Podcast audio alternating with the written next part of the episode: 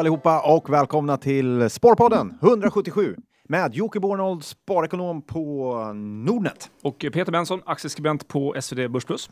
Och eh, hur är läget? Eh, det är bra. Jag tror det blir en bra podd idag. Ja, det känns så. Ja. Ja, Eh, Ganska taggade det, båda det, två. Det, det är sjukt oödmjukt att säga så. med tanke på att förra podden blev väldigt bra enligt eh, våra lyssnare i alla fall. Ja, vi fick väldigt bra feedback på Thomas Augustsson framförallt. Mm. Din och min insats vet jag inte, men, men Nej. eh, Thomas fick jättebra feedback på alla hans kloka grejer om eh, eh, flyg. Ja, vi instämmer i, vi stämmer in i hyllningskören. Absolut. Det var kul, vad Ja. roligt att ha honom här. Så är ni flygintresserade och missade det så eh, missa inte det. Nej, precis.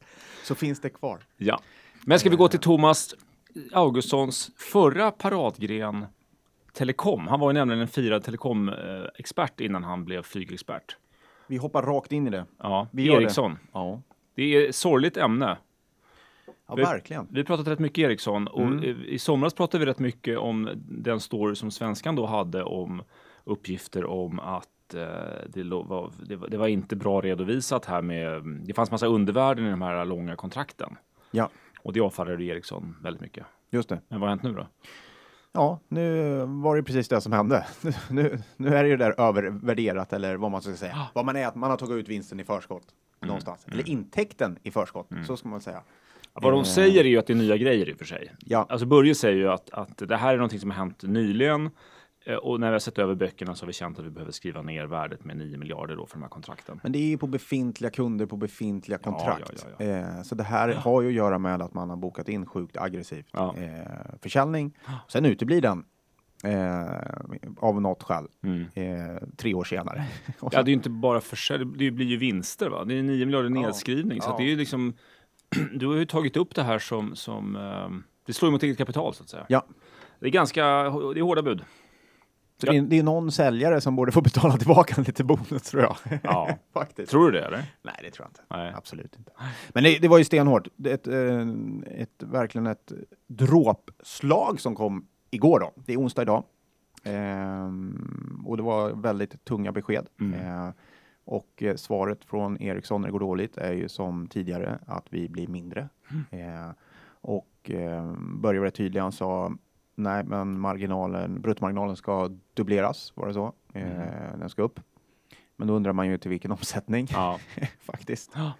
Eh, och den krymper ju så att, eh, ja vi får se hur, hur det går. Mm. Vad var din känsla efter, eh, efter gårdagen? Nej, men det var ju ett paket han kom med där Börje. Dels, dels så var det ju en ny organisation och den kan vi prata lite om, eh, tycker jag. Eh, Och, och sen så var det den här nedskrivningen av de här kontrakten. Och, de, har, de har inte sagt någonting om vad det handlar om eller vilka länder det är eller någonting sånt där. Och det har ju fått skarp kritik att man kan, inte, man kan liksom inte bara eh, klippa bort 9 miljarder av aktieägarnas värde och inte säga någonting om varför.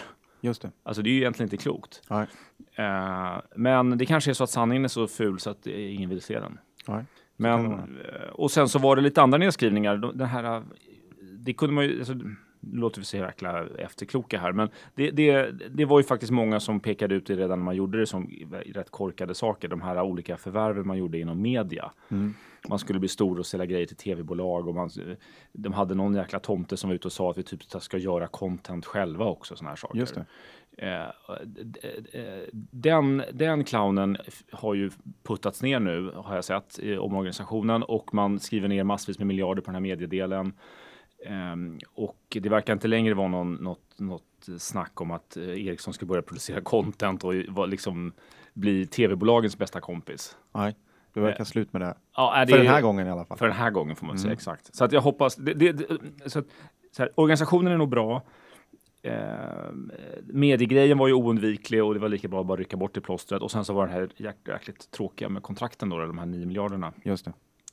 Och, och sen så tar man massa, eh, och så flaggar man för ytterligare, då, vad sa man, 68 miljarder i omstruktureringskostnader va? Ja. Så, eh, jag vet inte, jag hade ju trott att aktien skulle gå ner en 10-15 procent. Ja, det trodde jag också. Ja. Och så Martin Guri på Nordea trodde 20. Alltså, var det så? Ja. Eh, Oj. I alla fall enligt citatet i, i Dagens Ja. Industri. Så att, eh, nej, det, och så blev det ju inte. Nej, marknaden är mycket smartare än, vad, än vi var. Ja, eller vet, ja, den vet något som inte vi vet. Ja, den gick ner en procent. En procent. Otroligt. Eh, sådär. Men det är, det är klart att Ericsson har jätteproblem. Det som är lite oroväckande är kanske också att man vill ju då fokusera på vissa områden. Och det är rätt, men man skickar ändå rätt tydliga signaler till de kunder som är kunder utanför de områdena att här ska Ja. man inte vara. Nej. Eh, vilket förstås blir en, någon slags chicken race, för du kanske vill sälja av dem. Mm. Eller, så det där är högst olyckligt eh, faktiskt, när det blir så. Men jag förstår att man gör det. Problemet är att man känns inte vidare vass i sitt kärnområde heller. Eh, och um, nu följt Ericsson ganska mycket då senaste året. Eh, vi pratar mycket Ericsson här och det är ju spännande. Eh, gjort att man har, har kommit i kontakt med rätt mycket folk också. Mm. Och eh, jag blev citerad någon gång i, i, TT Mhm. eh, om Ericsson och då drog vi vidare utomlands. Eh, och då fick jag kontakt med några som jobbar i branschen. Ja. Så det, det är några handfuller runt om i världen som man har kontakt med. Det är rätt Ja. intressant att höra och få lite inblick. Eh, och mm, det är svårt att veta hur mycket de vet, eller, Mm. men, men ehm, det verkar vara rätt tydligt att Ericsson får ordentligt med stryk i Afrika. På marknaden, ja. Ja, Ja. det är liksom kineserna gör minst lika bra produkter ja. Och de rullar ut dem otroligt mycket snabbare. Mm. Eh, Så, så att eh, där verkar man ju ta rejält med stryk. Ja. Eh, ser det ut så över hela världen? Det vet jag inte. Kineserna är ju inte alls lika starka i Amerika till exempel. Mm. Eller de får knappt verka i Amerika. Men, Nej, men Latinamerika får de men verka i. Latinamerika får de vara i, och, absolut. och, och Asien, i övriga Asien, får de ju, i många länder så har de ju extremt stark ställning tror jag. Yes. Så det är, det är lite oroväckande kan Mm. jag tycka då, om man tittar på det som sades igår. Jag förstår att man vill, eh, man måste hitta på någonting. Ja. Så är det. Men man verkar ju... Det här har också att göra med att det finns en jättestor mobilmässa i Barcelona. Mm. Som inte, det var inte så länge sedan den var. Nej. Någon vecka sedan. Och om man lyssnade på eh, vad Ericsson sa så var det väldigt mycket 5G. Mm. Det, det är, vi ska bli bäst på 5G. Eh, Det är typ, vi har 2020. Ja, lite så. Och, och det tråkiga var att Ericsson hade en gäst, eh, jag kommer inte ihåg var han kom ifrån, kanske från Google eller någonting, men det var någon sån här hög, det, är Ja, ja men... en, en, en eh, hög snubbe som eh, kom in och var gäst och så sa han, med 5G är fantastiskt, måste förbereda på det, här, men det ligger väldigt långt fram. Ja, okej. och det är så här, ja. Eh, och, men lyssnar man på Nokia, vad Nokia sa där, Mm. så var de väldigt mycket mer på, eh, vi tar de här kontrakten, Ja. Mm. eh, vi gör det här, här och nu, vi ökar, vi, vi liksom... Ah, det är inget bra. Nej. Ericsson måste ju överleva här och nu. Ja, alltså vadå? Man har väl kunder nu också? Ska man inte serva dem? Ja, ja, det där, ja. Men eh, eh, om, om vi ska vara lite sådär, det blir ganska anekdotiskt, men jag, Mm. jag känner till eh, och har lite kontakt, eller liksom koll på, kontakt, men lite koll på tre namn i den här nya Ericsson eh, organisationen och Mm. en flyttades ner ordentligt och det tror jag var helt rätt och två flyttades upp och det tror jag också var helt rätt. Det är så här, Okej. Två bra Ja. personer flyttades upp och en Mm. dålig person flyttades ner. Eh, Extremt anekdotisk eh, bevisföring och jag kan ju säkert ha fel i den här bedömningen om de här personerna, men det är åtminstone tre av tre och, och, och eh, anekdoter som, som pekar på att det, det, det kanske blir bra organisatoriskt och sådär. Och det är en början liksom. Mm. Ny, ja. Men det är rätt trist att stöka om i en, en ledningsgrupp igen då. Jo, men man var ju tvungen att göra någonting åt det här med media till exempel. Du kan ju inte Mm. Ja. ha ett affärsområde som håller på med någonting som, som, som är helt dödfött liksom. Ja. Eh, och sen så... Eh, sen så var det lite... Eh, ja, det är lite ord... Ja, men det är lite skillnader där. Eh, Och, och sen så tror jag att ett, ett, skäl till att aktien inte faller kan ju vara att folk har så enormt förtroende för Börje. Mm. Att när han säger att vi ska ha 12% marginal 2018 så tror folk på det. Det. Mm. För då, då är aktien inte fasligt dyr alls. Nej. Den är nog till och med billig. Mm. Ja, ja, men det beror lite på. Men, men, men eh, eh, så att det, det kanske är en Börje-bubbla. Jag Ja. tror, tror på Bör, Börje här. Mm. Han får visa, eh, det är ingen bubbla om han visar att det är sant då, men, men Ja. eh, att han, hans uttalande om 12% 2018 är mycket starkare än de här eh, fakta på marken som är att man har eh, 9 miljarder i, i, i skräp som man måste ställa ut. Liksom. Ja.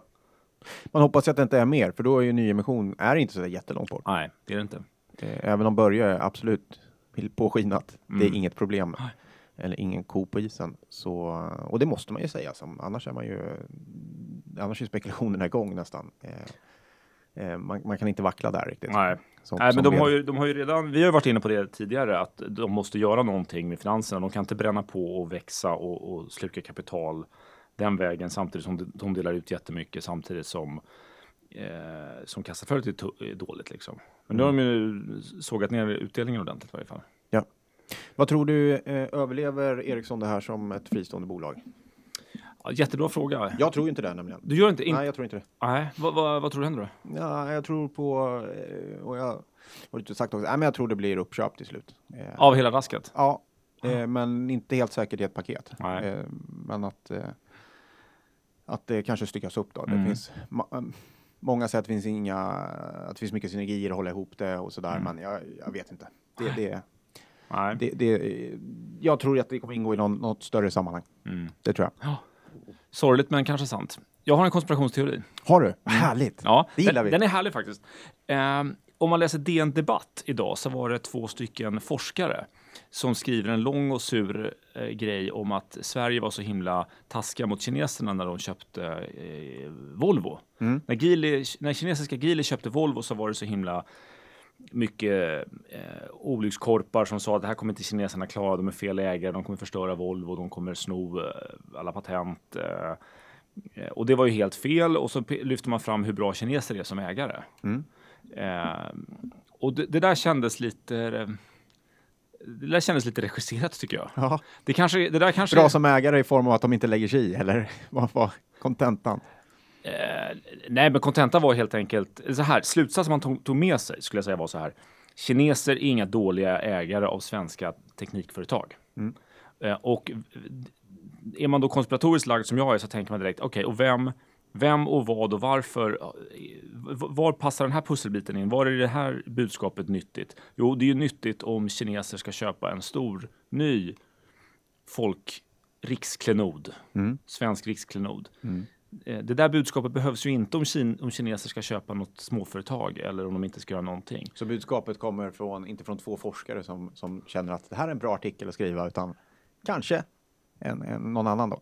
Ja, men det, det, är ett Vad du säger är att det skulle vara Kinas ambassad, typ. ja, men det är ett sätt att kratta manegen för möjliga större framtida strukturaffärer mellan svenska teknikföretag och kinesiska. Mm. Eh, och det är väl någon stor sån här kinesisk handelsdelegation på ingång. Okej. Eh, några riktiga sådana här högdjur och det, är jätte, de ska liksom jag vet inte vad de gör på sådana här möten, men, men det är ju alltid mycket halabaloo eh, när, när sådana kommer och de spärrar av halva stan för de här människorna ska åka kortege och sådär. Men det, är någon kinesisk eh, toppdelegation på ingång och sen kommer en sån här artikel. Eh, Ericsson om, omorganiserar lite. De kanske säljer det här managed services till kineser. Vem vet? Mm. Eller hela Ericsson. Ja, spännande. Det här är helt grundlöst, Ja. eh, bara gissningslek som ni förstår. Men eh, kom ihåg var ni hörde det först. Ja, spännande. Den som lever får se. Den som lever får se. Ja, kul. Nej, vi får se vad som händer med Ericsson. Det är tråkigt att det är det läget det är. Men Det är det. Eh, man måste också komma ihåg, det finns mycket bra på Ericsson. Det finns eh, mycket fint att hämta, men eh, tyvärr tror jag kanske att det hamnar någon annanstans än Mm. på svensk börs. Kanske i Kina. Vad gör spararna med Ericsson-aktier? Har du någon koll på det?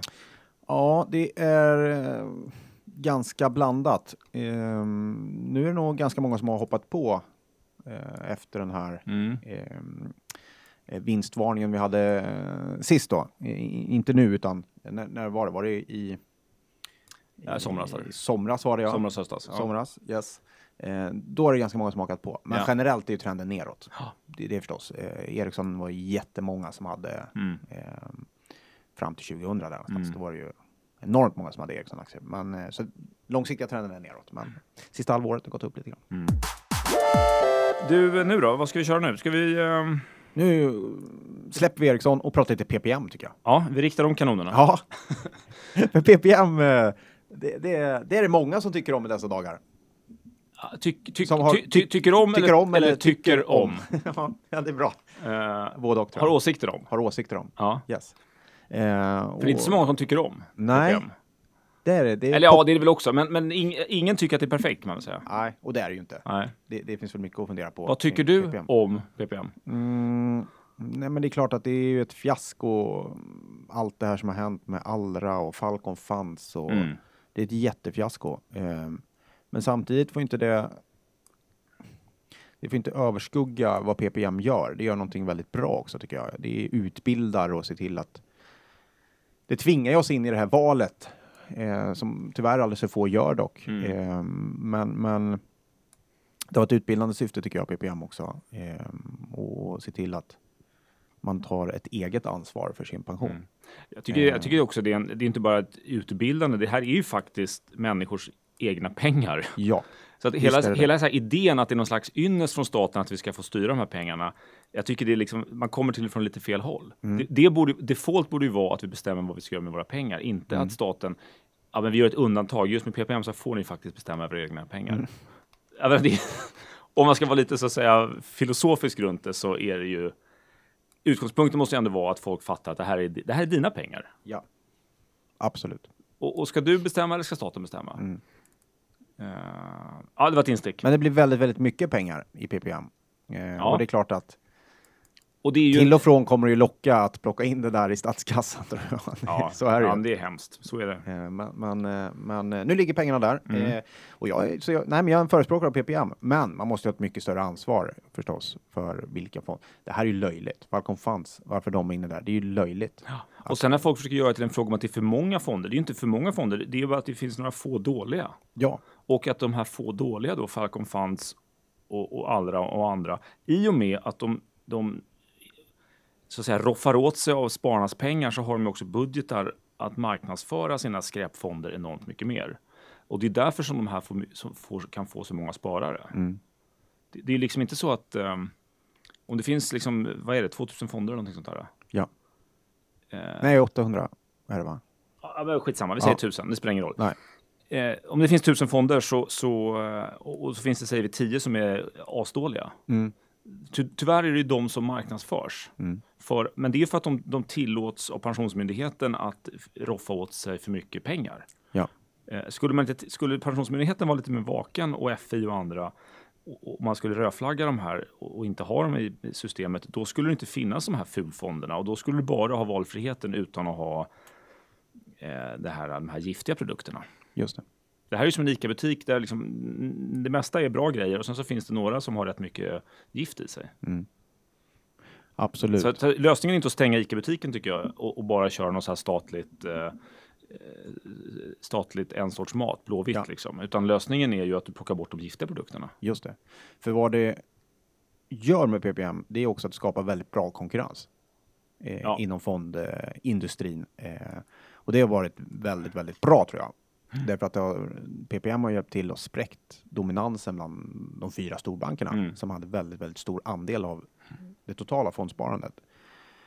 Och gjort att vi har ett helt gäng aktörer som kan konkurrera. Eh, och inte bara med pris, utan de kan också konkurrera med avkastning och, och, och visa på att jo, det går ju att vara aktiv till exempel i, i aktivt förvaltade fonder och sådär. Så att, nej, jag tycker det har mycket gott med sig. Jag tycker det finns också mycket gott med att man själv ska kunna välja den Mm. fond man vill ha och att man ska kunna välja inte bara mellan aktier och räntor, utan man ska kunna välja och bygga upp en egen liten portfölj om man vill och, Ja. och kunna välja lite Ryssland om man nu är intresserad av det eller vad det nu vara må. Mm. Så tycker jag det är eh, det tycker jag är viktigt. Så jag hoppas verkligen att eh, det här blir kvar.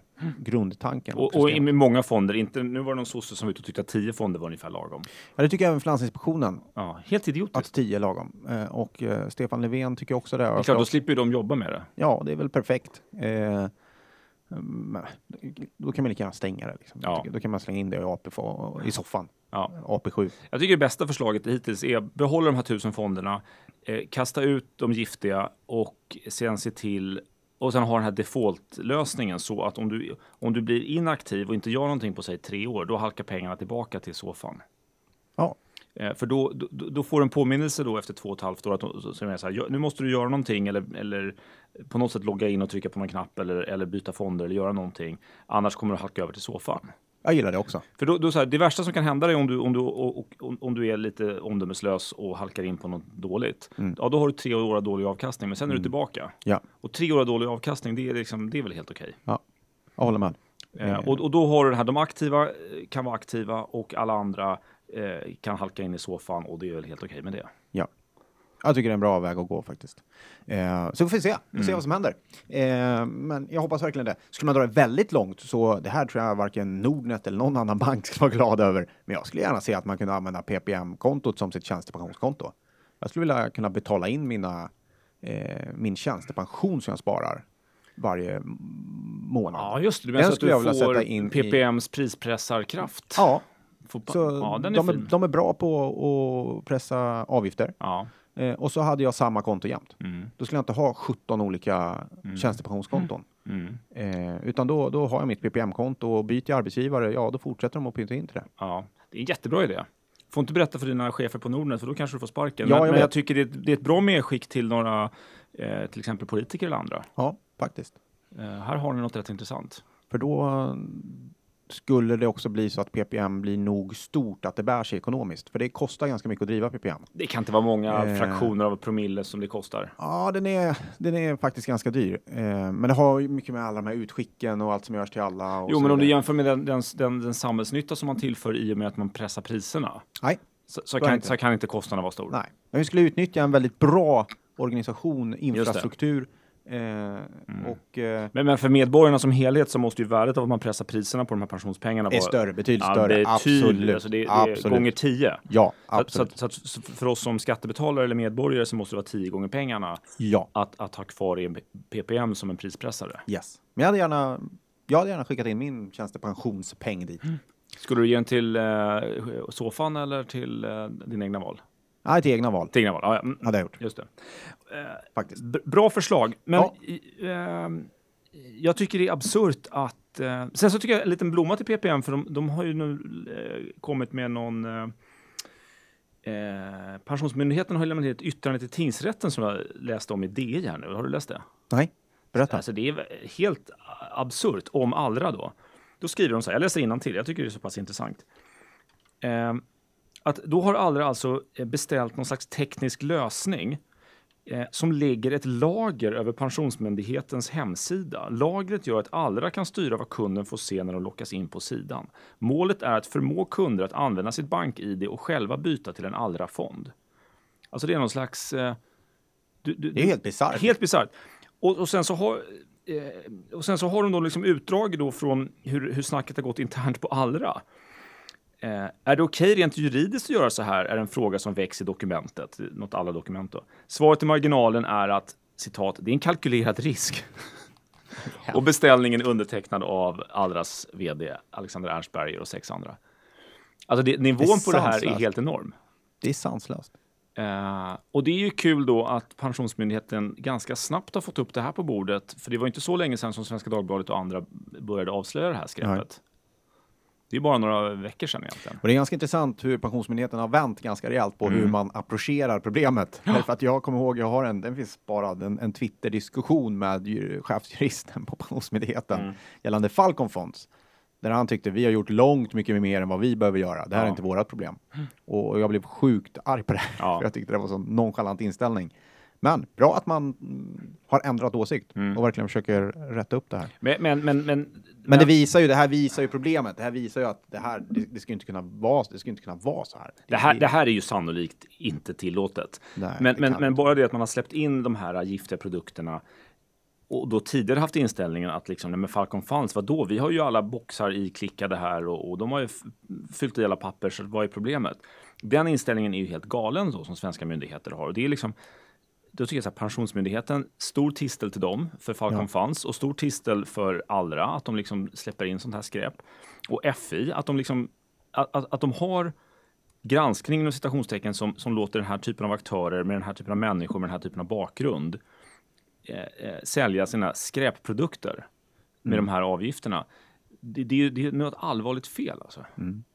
Eh, och, och sen så blir jag så, så, tycker jag så komiskt också, apropå FI då, så får jag av någon kompis som håller på med förvaltning en, en, en, en bra fråga som är så här.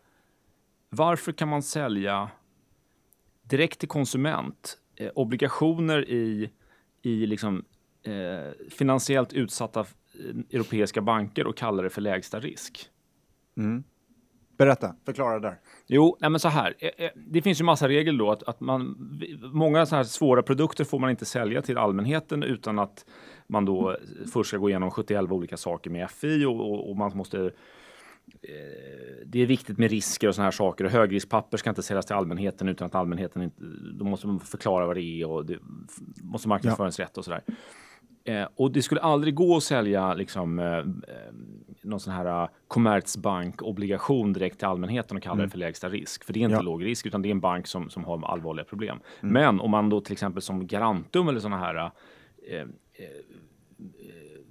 fulfirmor som säljer garanterade produkter. Att man paketerar om det. Paketerar man ihop det med en option på någonting, kaffepriset eller något index eller vad tusan som helst, då kan man minsann kalla det för lägsta risk. Mm. Vilket är helt barockt. Ja, det är bisarrt. För att det där paketet också, inklusive avgifter, så är det där paketet mycket sämre än vad den här obligationen hade varit ensamt. Ja. Så att, Sannolikt. så att du, du tar två, två dåliga saker, paketerar ihop dem och lägger på lite extra avgifter. Då får du kalla det för lägsta risk. Mm. Skulle du salta om var och en för sig, då skulle du aldrig fått kalla det för, för lägsta risk och du skulle aldrig få eh, kunna ta ut så där mycket avgifter. Nej. Och, och det där är ju liksom, FI signar jag på allt sånt där. Ja. Så det här är liksom en hel industri som håller på med saker som, som, som de tycker är helt okej då. Mm. För tycker det, det finns en så här institution, heter det institutionaliserad idioti. Det, det, Det heter kanske, det nu. det heter det nu. Det kanske är begåvade människor, men, men Ja. de verkar i system som verkar helt puckat. Mm. Där så länge papperna är ifyllda rätt så är allting eh, picobello. Ja. Vare sig det heter Falcon Funds eller Garantum eller någonting annat. Och en annan, tredje mätpunkt på det här gnället nu, Mm. eh, det är det här med, med Residor. Veckans gubbgnäll. Ja, veckans gubbgnäll. Ja. Residor, har du följt Ja. Ah, lite grann, men berätta. Vad hände där? Re- Residor är det här Jag har hotellbolaget. bott på en hel del av deras hotell. Ja, men då vet du allt. Ja. Nej, men det är det här hotellbolaget, eh, Radisson Hotel och annat, som eh, kineser då, återigen, dessa kineser, har lagt bud på. Mm. Och då har aktiemarknadsnämnden, denna väktare av god eh, bolagsstyrning och god sed på aktiemarknaden Ja. och såna här saker. Då har de gett kineserna klartecken till två väldigt häpnadsväckande saker. Nämligen ett, vi behöver inte berätta vad vi betalade för de här aktierna utan vi kan lägga ett bud på lägsta tänkbara skamgräns. Eh, Och två, vi behöver inte betala för de här aktierna som vi försöker bjuda in förrän om en, låt oss säga nio månader när vi känner att vi orkar betala för dem. Mm. Och det här är två saker som är helt eh, knäppa. Mm. För att det ger de här kineserna eh, enorma fördelar som det inte är tänkt att man ska ha. Nio månader, liksom, sen när kan man köpa en aktie och betala nio månader senare? Nej. Det är helt sjukt. Ja, det är det. Eh, och, och, och sen så är ju en, en grundbult är ju att budpliktsbud ska vara till, till, till det du själv har betalat för de här aktierna. Ja. Och då vägrar de berätta vad det är. För de säger så här, nej men vi köpte någonting annat som låg tillsammans. Det var ett litet paket vi köpte så det är svårt att säga vad vi betalade för aktierna. Så att, låt, oss, låt oss bjuda eh, något annat lågt pris som vi tycker är lämpligt. Så, de, så kineserna får bestämma sitt eget pris och bestämma själva när de ska betala. Och det har aktiemarknadsnämnden då signat av på. Återigen, de svarar ju bla bla bla bla bla bla, långa debattartiklar om att vi har följt alla till punkt och pricka och hitan och ditan. Men, men i, här, till sin substans så är det ju helt uppåt väggarna. Mm. Och det är återigen den här institutionella idiotin. Ja. Eh, som, som, det, det är nog fel. Mm. Jag säger som Hamlet. There is something rotten Mm. in the state of Sweden. Ja. Nej men faktiskt, det är lite Nej, märkligt. men det är, problema- det är problematiskt. Eh, det finns många punkter där man skulle önska mer av Finansinspektionen, till exempel. Eh, men de har ju rätt hög svansföring. De är ute och pratar mycket, tycker jag. Mycket åsikter och, Ja. eh, och blandar sig i både det ena och det andra. Hur mycket vi ska amortera och ja, det är de inte duktiga på. amortera. Eller om vi ska ha bunden ränta eller... ja. Tips från coachen, sköt ert eget jobb istället. faktiskt. Ja. Faktiskt! här, här har ni det! Rätt upp och ner. Sköt ert eget jobb först. så kan ni komma och hoppa på oss sen. ja, det är lätt för oss att sitta här i en poddstudio och ha åsikter.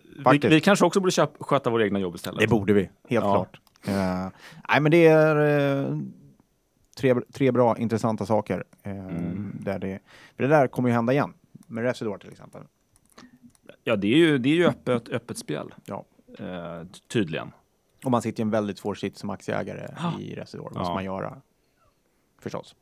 Ehm, ja, det är, ja, det är det. Och det är en helt egen fråga. Men jag tycker, Mm. jag tycker så här att, att de här då, mönstret är liksom att aktiemarknadsnämnden, FI, PPM och många andra, eh, vi, vi förleds att tro att de är på vår sida, men det, egentligen verkar det mer som att de är till för att producera massa retorik som ska få oss att tro det, än att de faktiskt agerar på ett sätt som, som, som i, i, liksom, i bred bemärkelse tillvaratar systemets intressen.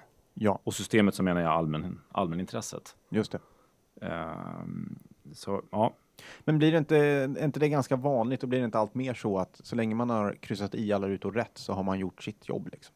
det är möjligt, men det är ju helt fel väg att gå. Ja, det är det det är det. Ehm, Men eh, ja, ja, vi, men du, ska vi inte fortsätta det här gnället om en vecka? jo, det kan vi göra. Eh, jag har faktiskt en punkt om Allra som vi ska ta Ja, eh, innan det vi avslutar denna Ja. podd. Det är om du nu har allra fonder utanför PPM. För Ja. nu tror jag många av lyssnarna känner igen att, att PPM har skickat in en säljorder på, på sina eh, fonder, alltså PPM-spararnas fondandelar. Mm.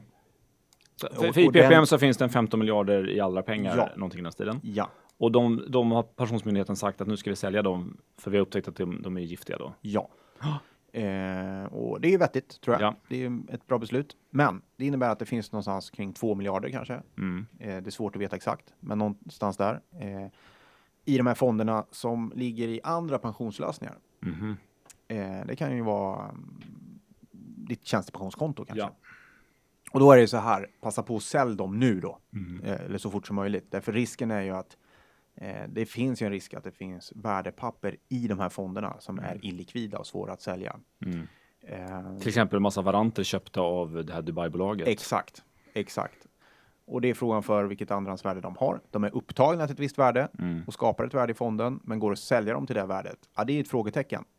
Jag vet inte, men det, det, det är någonting som Jag jag... tror vi kan utgå från att det inte går. Ja. Ja, det är någonting. Och problemet är ju att risken är ju förstås att om, när PPM trycker på och ska sälja ut eh, och det här ska säljas ut, då, då kommer ju det, det minst likvida, det som är mest svårsålt Mm. till ett vettigt pris, kommer ju att ligga kvar i fonden sannolikt. Just det. Och då är det du som har de här fonderna utanför PPM och Ja. ligger kvar, som sitter på dem. Just det. Samtidigt som den här fonden sannolikt kanske kommer att avvecklas. Och Mm. då ska du som fondandelsägare ta den kostnaden. Eh, det kommer bli dyrt. Det kommer kosta massa avkastning dig. Den där är vi knepigt alltså. Mm. Den är jätteknepig. Så, så, att rådet är, de, har du pengar utanför PPM i Allra så ska du så att säga frontrunna Frontrunna PPM. avvecklingen här och sälja nu. Absolut. Ja, det, det är Absolut. ett jättebra råd. Tyvärr så tror jag att det kanske är 0,0001 procent av, Lyssnarna som är där. eller av alla pengarna som lyssnar på Ja, Sparpodden. vet. Men ni kanske har eh, kompisar eller släktingar Mm. och kan kolla lite med dem i alla fall. Ja. Eh, för då kan man Jag hoppas att det är mycket färre än Några 0,001 procent av, av Sparpoddens lyssnare som har alla pengar. Men åt andra hållet så tror jag att det är... Ja, ja ni fattar vad jag menar. Yes. Så det är, det är ett råd i alla fall. Ja, bra Eh, råd. Prata lite om det i Expressen idag. Så vi hoppas några lyder. Otäckt också. Mm, det är lite otäckt faktiskt. Det finns också i historik. Det finns några eh, exempel på det där det här typen har skett. Där en stor kund i en fond drar sig ur Mm. och så står övriga kvar eh, och så ska man dela Mm. på kostnader i drift och, och till och med att eh, stänga ner en fond. Det Ja, kan så bli ganska dyrt. Jag tänker på, nej, nu ska vi inte vara sådana, men, men nu tänker jag på HQ Bank. Det var ju rätt många år då man i varje kvartalsrapport från den banken berättade att vi håller på att avveckla vår trading. Ja. Ja. Um, alltså ingen jämförelse i övrigt, men vad jag menar är helt enkelt att det kan ta alltså, det kan vara det minst dåliga kan vara att ligga kvar och låta sådana här långa derivatkontrakt löpa ut. Så kan det vara. Absolut. och det kan ta lång tid och, och har man mäcklat ihop det här på ett jobbigt sätt så är det ingen, ingen kul grej att vara kvar på. Så är det. Så, hoppa av det tåget tycker jag. Mm. Det finns väldigt lite att vinna på att vara kvar i alla fall. Så kan man säga. Ja. Du, det här var Sparpodden 177. Yes. Det var roligt. Eh, hoppas ni har en eh, riktigt bra dag så hörs vi allihopa nästa vecka. Sköt om er. Ha det gott. Ciao, ciao.